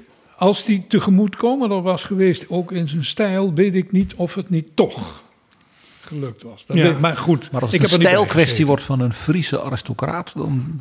Nou, Nou, eh Bij, bij ons met was tamelijk kleinburgerlijke trekjes, als je het mij vraagt. Maar goed. Mariette Hamer was de Ja. gast bij ons. En zij zei, de grootste blokkade in deze formatie komt voor rekening van Wopke Hoekstra. Die inderdaad die samenwerkende eh, partijen, Partij van de Arbeid en GroenLinks, samen niet wilde. En de grootste doorbraak, die kwam toen Sigrid Kaag zei... ik zal niet langer eh, de ChristenUnie en daarmee prolongatie van de huidige coalitie uitsluiten. Ja, nee, dat En klopt. toen, toen begon de formatie pas echt. Toen begon die pas. maar dan is Hoekstra. dus- Omdat toen de keuze gemaakt werd. Hè, dus bel dus Kaag niet. heeft Hoekstra die fase laten winnen. Die heeft hem laten winnen, ja. Ja, waarom eh, eh, laat ik het midden? Had Eh, Kaag anders kunnen doen dan? Ja, Wat dan? nou, had kunnen doen wat Van Mierlo gedaan had in 94. Van meet af aan zei, luister eens, er is hier maar één keuze. Als je mij erbij wil hebben. Als je me niet erbij wil hebben, hoor ik het wel. Dat kan ook. Ja. Ja. Als je mij erbij wil hebben, dan komen die twee anderen mee. Was D66 noodzakelijk sowieso voor een kabinet nu? Ja, je kon niet zonder. daarmee kon D66 dus uiteindelijk Ja. dit ook bepalen. Zij had de positie van die je in België ziet betiteld als incontournable. Ook de beste Vlaming zal dat woord gebruiken. Eh, onvermijdelijke partner. Je kunt, eh, en daarvoor hoef je de meerderheid niet te hebben. Je hoeft niet eens heel groot te zijn. Eh, je mag de verkiezingen verloren hebben. Je, je, je kunt Hans-Dietrich Genscher zijn. Ja. Zo- of eh, Walter Scheel met zijn toch kleine FDP. Ja. En, die bepaalde dat Ja. Willy Brandt kanselier werd. Ja, precies. En dan had de consequentie kunnen zijn Ja, dat uiteindelijk de VVD het CDA moest laten vallen. Als het CDA aan de blokkade had vastgehouden. Eh, ja. Ja, maar dan had het CDA de blokkade niet vastgehouden. Denk ik. Of eh, Dus wat van- dezelfde stommiteit uitgehaald als in 94, dat kan ook. Dus wat Van Mierlo in 94 tegen Kok en Bolkestein zei. Mhm. Ten aanzien van de positie van toen ook de Ja. zware verliezer Elko Brinkman. Mhm. Is nu niet gebeurd. En Nee. wat Elko Brinkman toen verspeelde. Heeft Hoekstra dus nu binnengehaald. Die heeft het binnengehaald, maar zonder er iets voor te doen. Je zou kunnen zeggen, Hoekstra heeft, Niet met handig heeft, spel. heeft die fase, PG zei het al, Hoekstra heeft die fase gewonnen. Mhm. Ehm, maar misschien wint D66 deze fase wel. Want onlangs lekte een stuk uit, geschreven door VVD en CDA. Mhm. eh, een soort concept regeerakkoord. eh, wat tamelijk progressief van toon was. Zo progressief dat Job Cohen op de radio het meteen omarmde. En zei, ik begrijp niet waarom de Partij van de Arbeid hier niet aan meedoet. Deed Oh, hij dat nou mede namens GroenLinks of niet? Nee, nee, maar ik begrijp het wel, want het ging er niet om dat de Partij van de Arbeid daar niet aan mee wilde doen. Ze mochten er niet aan meedoen. Ik bedoel, Job was even de, eh, zal ik maar zeggen, de Doubt-doctrine vergeten. Dat je met links alleen een uiterste noodzaak. eh, Ja, Hans eh, Dout, hoogleraar, hij is al Ja. een tijd geleden al overleden. Ja. Eh, die zei eh, vanuit rechts, met name vanuit de, Mhm. de katholieke volkspartij... Ja, wordt alleen maar met de sociaaldemocraten geregeerd als het echt niet anders kan. als het niet anders kan. Hè. Als er of eh, om kwantitatieve redenen, of ook wel omdat de bedreigingen zo groot zijn dat je eh, de sociaaldemocratie Ja. nodig hebt. Of dat er bijvoorbeeld hervormd moet worden en daar heb je de vakbeweging bij nodig. En die komt er binnen zijn dus een aantal bijzondere redenen voor nodig. Alsof er voor andere coalities niet altijd bijzondere redenen nodig En zijn. toen waren het eh, grote. eh toen, toen was de, de Partij van de Arbeid natuurlijk ook nog een grote partij. Maar geldt zo'n doctrine uit het verre verleden, geldt die dan nog steeds? Kennelijk. Althans, voor een aantal christendemocraten wel. Want ik hoorde het Rutte iedere keer zeggen: ja, twee is te veel, linkse wolk. En je zag hem denken: wat een onzin. Eh, het, ik denk niet dat het zijn probleem was. Eh, De- de- is het het- ook nooit geweest. Een coalitie met een sterk winnende Partij van de Arbeid. 38 zetels. Eh, Niemand had dat gedacht. Ze dachten allemaal dat Emil Ja. Roemer premier zou worden.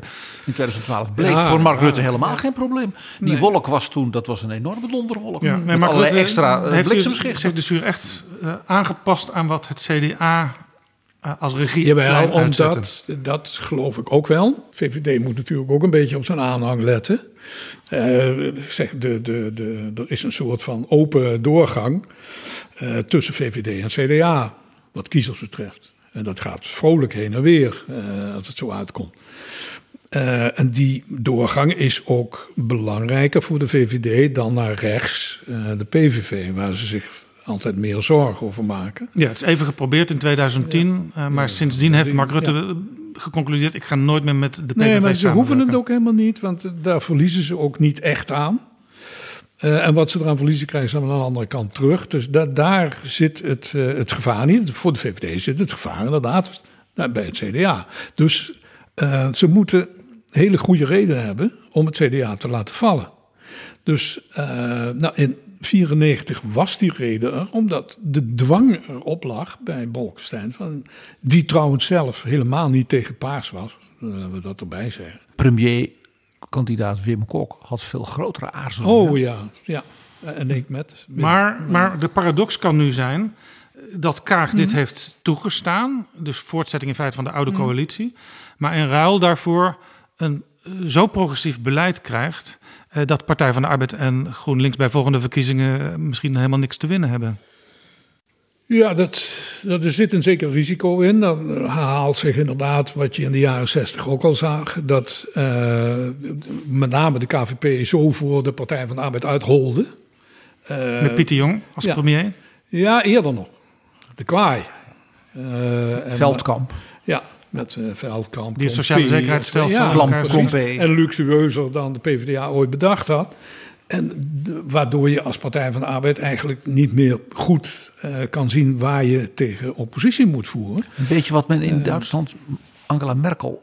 nou, vanuit de rechterkant wel eens ja. verweet. Ja. Ze is aan het sociaal democratiseren. Ja, nou ja, ze zuigt gewoon de tent leeg. Eh, en ze nam een aantal essentiële eh, eh, ja, hoe heet het, issues van de SPD eenvoudig over. Ja, vandaar dat kiezers in het midden in Duitsland ook vrij makkelijk nu... eh, bijvoorbeeld voor Nu de SPD ook wel konden weer kiezen. terug. Ja, ja, dat is nu het, eh, het lange termijn voordeel. Dit is Betrouwbare Bronnen. Was er niet een moment geweest in deze formatie, namelijk toen Johan Remkes informateur was geworden, eh, waardoor er misschien toch nog weer een mogelijkheid was ontstaan voor Partij van de Arbeid en GroenLinks om binnen te komen? Want Remkes zei, misschien moeten we een extra parlementair kabinet Hmm. formeren. Wat is dat? Nou, daar hebben, wij, daar, hebben wij, Kabinet daar Raal. hebben wij anderhalf uur aan besteed in onze, in onze podcast, wat het is. Dat was ook geen extra parlementair kabinet. Het is retorica. Kijk, in het kabinet en voelden die drie progressieve partijen zich aan eh, het, eh, hun eigen programma. Dus die Eh, hadden een, een meer dan parlementaire binding. Dat was een emotionele en ideologische. Ja, Hè, dus die voelen zich sterk parlementair gebonden. Ja, en de twee Die twee anderen, die waren, niet. ja, die, eh, dat was bij ingebroken, die waren beledigd. eh, maar ja, ze moesten toch. eh, voelden ook wel door hun eigen vakbeweging die er toen nog was.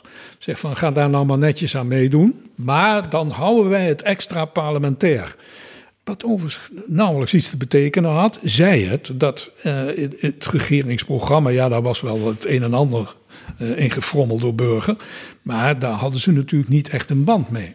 Ja, nu werd er gezegd... m- m- Maar ze hebben echt niet vier jaar lang de vrijheid gehad die ze dachten misschien, of die ze claimden om eh, te doen wat zij interessant of belangrijk vonden. Ze hebben uiteindelijk de meeste kwesties die Den Uyl en het kabinet aan de orde stelde, braaf als een parlementaire steun eh, meegenomen.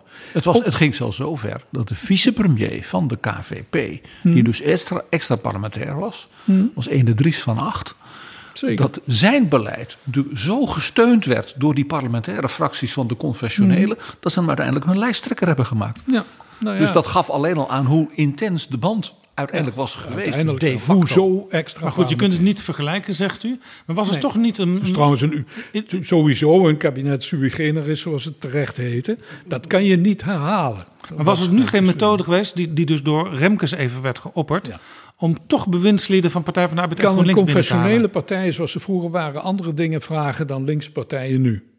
Je kan niet aan Partij van de Arbeid en GroenLinks vragen om te zeggen: eh, wij gaan hier regeren, maar dat kunt u wel gedogen. En dan eh, staan we u ook nog twee departementen toe. Eh, dan lijkt het nog ergens op. En verder voert u maar oppositie. Ja, en verder gaat u eh, uw gang. De, Absurd dus eigenlijk. Absurd, ja. Absurd, je kunt van links geen, niet dezelfde dingen vragen als van een andere eh, stroming. Tot, tot slot nog een vraag over toch zo'n brede combinatie. Was die juist in deze tijd met zoveel ja, gevaren aan de Mhm. horizon en niet van groot belang dat je toch heel breed in de Kamer eh, ook gaat samenwerken in coalitieverband? Dat kan alsnog, eh, maar dan gewoon zakelijk op basis van voorstellen van het kabinet. Dat zal in de Eerste Kamer bovendien moeten. Ja, ook dat. En dat zijn we intussen ook aardig gewend. Hè? Ik bedoel, maar we zijn altijd gewend geweest om redelijk zakelijk vanuit de Kamer met een coalitie om te springen, ook als je in de oppositie zat. Ik bedoel, je maakt wel veel lawaai.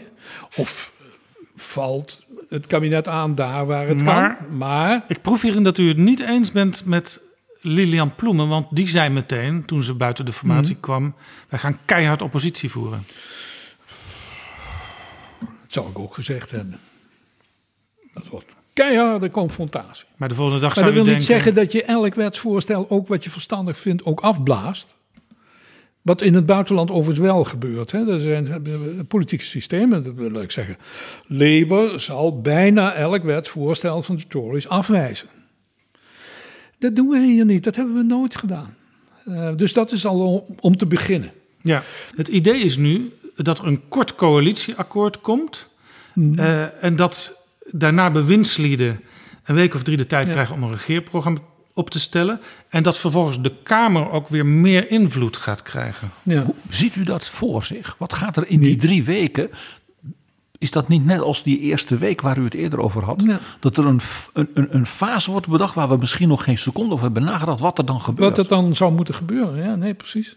Lijkt mij Kijk, heel, heel boeiend. Ja, nee, en eh, je ziet al aan het tempo waarin het regeerakkoord niet tot stand komt. Ik bedoel, ja, het zal er wel komen hoor.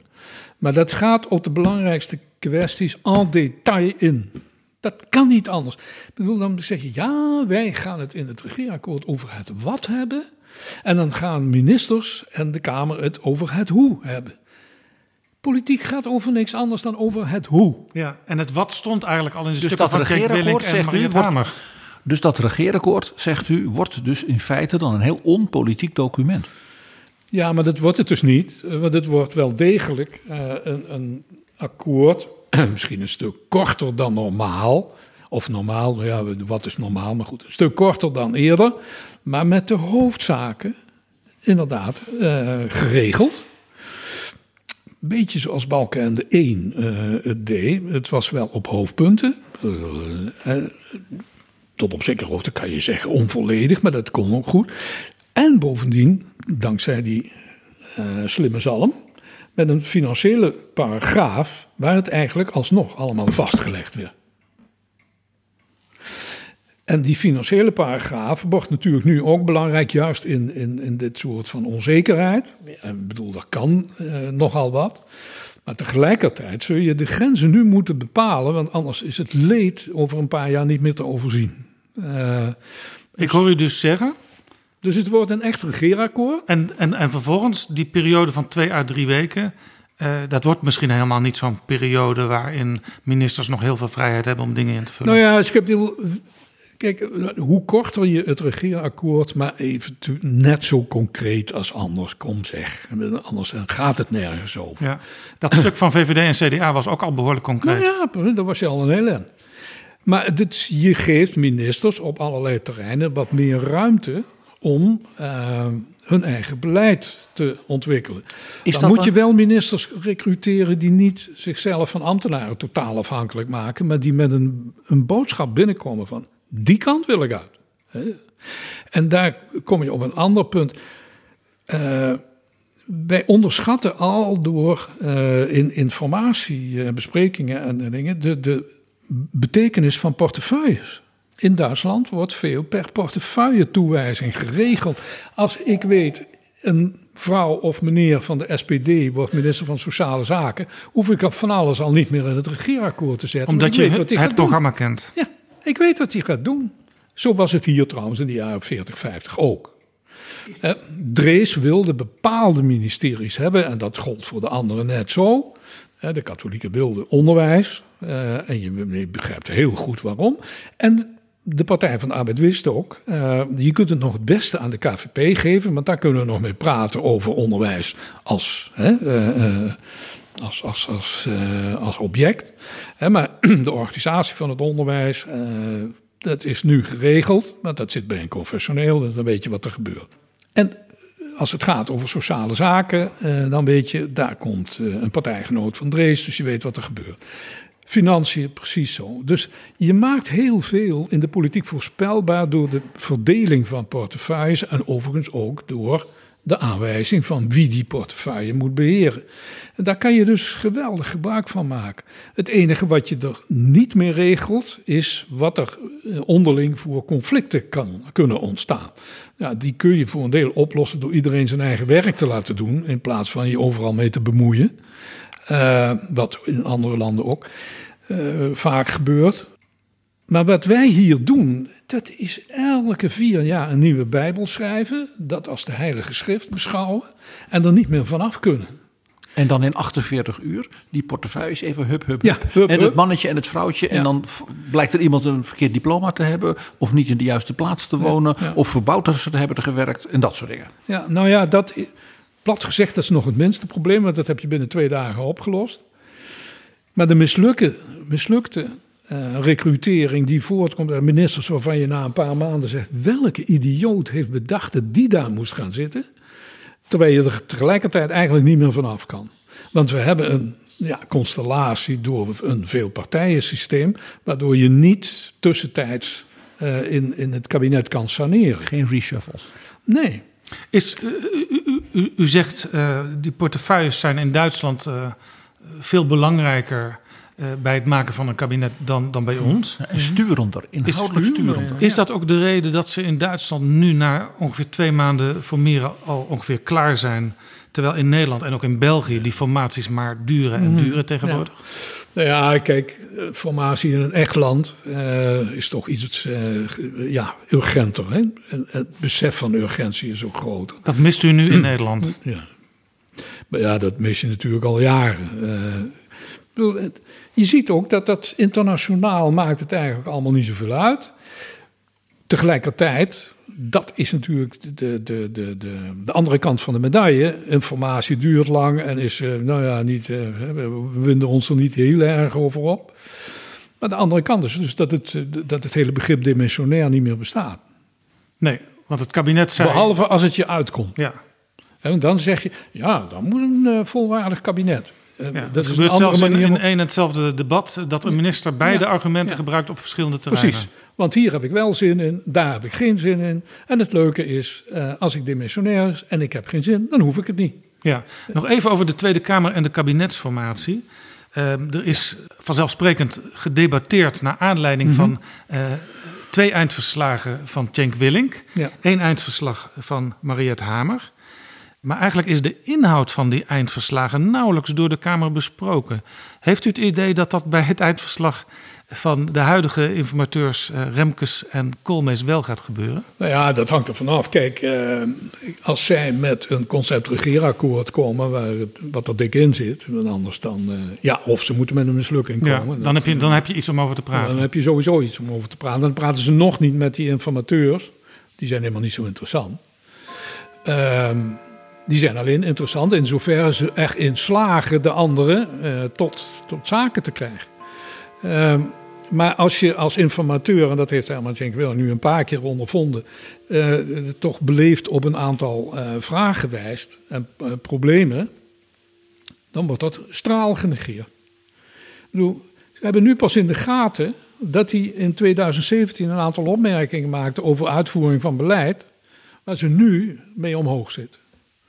Uh, we hadden, nu een aantal Kamerleden... We hadden geen Venetië-commissie advies gehad... als men in 2017 die opmerkingen van Cenk Willing... niet bijvoorbeeld aan een minister ja. als bijzondere taak had meegegeven. Ja. ja.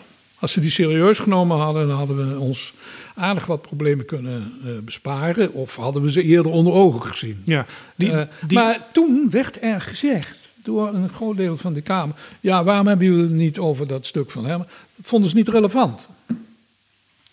Sterker nog, Geert Wilders liep naar de interruptiemicrofoon en die zei: Wij willen hier helemaal geen debat over. Hmm. Kan die meneer niet, wat- niet wat korter zijn met zijn verhaal? Hij had geen zin in zo'n zo'n academisch college om dat te moeten aanhoren. Ja, ja, ja, nee, kijk. Nou, nou hadden wij onlangs, en Wilders heeft een feilloos gevoel voor eh, wat er in die Kamer leeft en wat ze beleefdheidshalve niet uitspreken. Eh, en hij doet dat dus eh, tamelijk onbekommerd. Maar met het effect dat de rest van de Kamer inderdaad niks meer doet. Die man is veel invloedrijker, eh, ook omdat hij, hij is echt een, eh, een, een- ja, een vakman parlementariër. Dat is heel vervelend. Vooral omdat de anderen dat niet zijn. Eh, maar dat moet je hem niet verwijten. Nee, dat ligt niet aan hem. zoals Nee. vroeger ook Marcus Bakker het Kamerreglement Ja. uit zijn hoofd kende. Ja. Ja, maar gelukkig was er ook Joekers die het van buiten kenden. Van de VVD. Er waren er nog een paar eh, eh, PvdA-mensen die het van buiten kenden. Maar- Eh, dus eh, dat is een veel breder eh, geheel van mensen... die dus ook in de gaten hebben van... nou is die geintjes aan het uithalen. Als nu iemand eh, een beetje slim met het reglement opereert... heeft niemand het in de gaten. Dan denk ik, ja, dat vind ik wel een beetje zorgelijk eerlijk En en dan zijn we terug op dat eerdere punt van een paar mensen met ook zo'n parlementair staatsrechtelijk geheugen kan geen kwaad. Nee, nee. Mag ik nog één vraag stellen op dit punt? We gaan dus nu na die eerste week meteen Ja. naar de verkiezingenfase waar niet zo goed naar gekeken is. Mhm. Nu naar een fase van misschien wel drie weken. Waarin dan die ministers met dat ja, toch Oh nog ja. concept regeerakkoord, wat dan wel al ja, een status heeft van meer dan concept, aan de slag gaan. Zou het dan niet verstandig zijn dat de Kamer die ministers gewoon bij zich riep? En met dus dat wat Mhm. ja. akkoord, waarvan ook een hoop hoe, hoe in zit, zoals u Ja. terecht zegt. Gewoon zegt van, zullen we dat eens met u gewoon een middag doornemen? Mhm. Wat zijn nou de echte, grote, prangende vraagstukken? Klein beetje zoals Prioritair. het in het Europees Parlement gaat met Ja. de nieuwe commissarissen. Ja. ja, kijk, je hebt nu een mooie aanleiding om dat te doen wat vaker opgeworpen is. Ministers eerst even grillen eh, in de Kamer voordat ze beginnen. Nu mogen ze beginnen. Moeten ze dus een zekere zin uitwerking geven op hun terrein aan het regeerakkoord. Ik zal je dadelijk uitleggen waarom dat niet lukt. Eh, en dan zou je zeggen, na drie weken, nou kom maar eens langs, dan eh, gaan we het erover hebben. Hebben dan eh, kan zo'n minister ook op vragen echt antwoorden. Waarom zal dat waarschijnlijk heel moeilijk worden als het al lukt? Omdat ehm, we hier een heel systeem van interdepartementaal eh, overleg hebben opgebouwd. Waardoor het ook al nooit lukte om een regeringsverklaring vroeger na drie weken. eh, dan had je drie weken de tijd om een regeringsverklaring te verzinnen. Om daar iets meer in te zeggen dan wat letterlijk ook al in het regeerakkoord stond. Ja, er is zelfs een kabinet geweest, 1981, dat niet eens ertoe kwam om die regeringsverklaring samen mis. te formuleren. Ja, toen was het dan mis. Omdat je wist dat... Het kabinet van Achter den Uyl dat-. Ja, dat daar een club bij elkaar zat die, die niet eens van de grond kon komen. Maar nu krijg je inderdaad, loop je het risico dat er in drie weken dus niks kan. Eh, omdat, ja, ja, dat moet eerst in het interdepartementaal overleg besproken worden of dat nu wel kan. En als je zou zeggen, oké, dan doen we dat dus nog niet. En moet de minister dan toch maar met een water naar de dokter. Eh, ik zou het geweldig vinden, maar dan zou zo'n minister het risico moeten nemen. En zeggen van, maar dit gaat mijn beleid worden als ik de kans krijg. In het Europees Parlement gebeurt dat dus. Ja, ja. Want dan Ja, hebben ze dan maar- die brieven van de, van de, van de president van de commissie. En dan hebben ze dus een, Die- een uitwerking. En die En het- brief is een opdracht aan de commissaris, Ja. maar die moet Ja. nog verder En uitgewerkt het worden. parlement leest die brief ook. Ja. En die zegt, nou, wat betekent dat voor u? Want wij als parlement vinden bijvoorbeeld dit punt moeilijk. Ja. Of dat punt vinden we zo belangrijk. Wij eisen dat u met die andere collega in de commissie... daar samen Ja. Over drie maanden met een stuk komt. En Maar dat dan moet, moet je wel als Ja, commissaris. tuurlijk. Maar dat is toch heel Maar gezond? dan moeten we. Ik, ik twijfel niet aan de gezondheid van die benadering. Ik twijfel aan de mogelijkheid ervan of zo'n kabinet het aandurft, want daar komt het op neer. Hè? Dat je eh, ook al die ministers die er ook maar net zitten, dat die zeggen: Oké, dat is dus mijn taak en ik weet wat ik wil. Hallo, ik weet wat ik En wil. als nou blijkt dat ze dat niet weten... dan kan de Kamer daar misschien conclusies aan verbinden. Ja, nee, precies. Dus dat vergt, ik bedoel, wij bouwen nu, ook via al deze eh, palavers die we gehad hebben, en eh, korte regeerakkoorden enzovoort, aan een ministerschap dat kwalitatief twee keer zo zwaar wordt dan eh, het tot nu toe geweest is. En ik weet niet of al die dames en heren dat eh, voor elkaar krijgen. En of ze dan niet in hun vrees, want ze weten heel goed eh, wat voor risico's ze dan lopen. Eh, het zullen zeggen, ja, maar dan eh, hebben we toch meer tijd voor nodig. En eh, we spreken af dat niet al die ministers tegelijkertijd met dat spul klaar zijn. Er komen dadelijk, nou voorspel ik, dus het is te veel gezegd, maar vermoed ik allerlei interessante smoezen om niet binnen drie weken te hoeven zeggen. Luister eens, dit is de uitwerking van het programma en ondervraagt u maar. Het gaat nog langer duren. En de Kamer zal dan net als in het begin van dit gesprek, dus vooral ook zelf moeten bepalen. Hè? Dus mevrouw Mhm. Bergkamp en haar presidium. Dat is prima dat het kabinet dat zegt. Mhm. Maar wij als de Kamer willen die ministers hebben. Want in het Europees Parlement heeft mevrouw von der Leyen en voor haar de heer Juncker dat ook niet kunnen doen. De Kamer dat moet dus een zelf- aantal van die commissarissen gewoon de kop. De Kamer moet hier dus zelfbewustheid durven tonen. Ja, en die komt er niet. Dat wil zeggen, eh, ze zullen best willen, dat geloof ik nog wel. Maar ik zie een Kamermeerderheid van de coalitiepartijen dan niet zeggen: eh, U hebt nog niks mee te delen, wat zullen we nou beleven? Hè? Dat gaan ze dus niet doen. Er is al eens een voorstel geweest in de Kamer, maar dat is afgewezen om alle kandidaat-bewindslieden één voor één naar de ja, Kamer te roepen. Ja, daar hadden we het daarnet al over. Ja. Maar dat is iets wat toekomstige coalitiepartijen eh, meestal eh, onder de tafel werken. Partij van de Arbeid was daar ook heel sterk en die was voor dat soort van eh, ondervragingen. Totdat ze in de gaten kregen, ho, wij gaan dadelijk meedoen. En toen waren ze er eens helemaal niet meer zo voor. Want je loopt natuurlijk behoorlijk risico. Als daar iemand eh, voor de show van de Kamer afgaat, ja, dan kan je hem beter meteen maar eh, vervangen. En dan komt de vraag natuurlijk meteen ook binnen de partij. Wie van ons hier intern is verantwoordelijk om deze flutfiguur naar voren te hebben geschoven? Ja, en welke gek heeft bedacht dat de Kamer het recht moest krijgen om? Eh, dus leuk voor de interne discussie. Tot slot, er treedt binnenkort, als het allemaal lukt, Mhm. een tweede kabinet aan van identieke samenstelling. Nou zijn die kabinetten in de parlementaire geschiedenis nooit echt succesvol geweest. Mhm. Hoe zal het met dit kabinet gaan? Ieder kabinet heeft zijn eigen eh, voor- en nadelen en problemen. Ze zeggen dat ze het helemaal anders willen gaan doen. Ja, nou ja, dat, dat vind ik interessant. En ze moeten. eh, ik ben er ook benieuwd naar. Ik bedoel, eh, het, zou onzin zijn om te denken dat gebeurt nooit. Maar de kans dat er heel veel verandert lijkt me niet echt heel groot. Eh, ze hebben.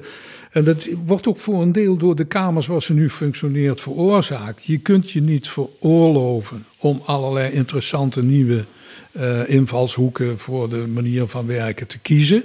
Omdat je al de grootst mogelijke moeite hebt om te zorgen dat de Kamer als Kamer een beetje ordelijk functioneert.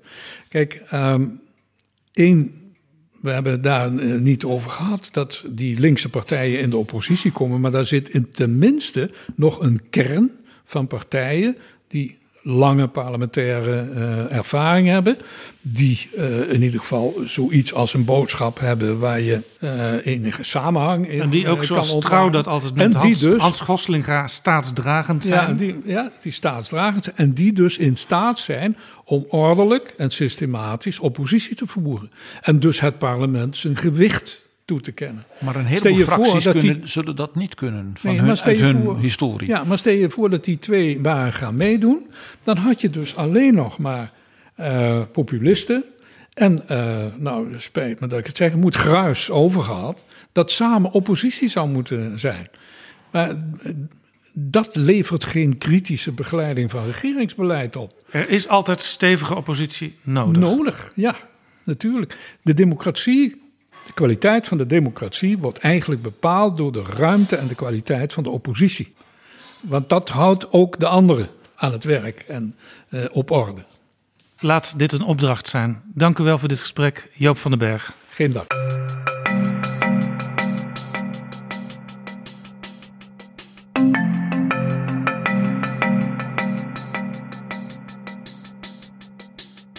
Zo, dit was Betrouwbare Bronnen, aflevering 232. Links naar de 14 eerdere afleveringen over de kabinetsformatie vind je in de beschrijving. En let op, als je op Apple kijkt, vind je ze waarschijnlijk niet allemaal, die links.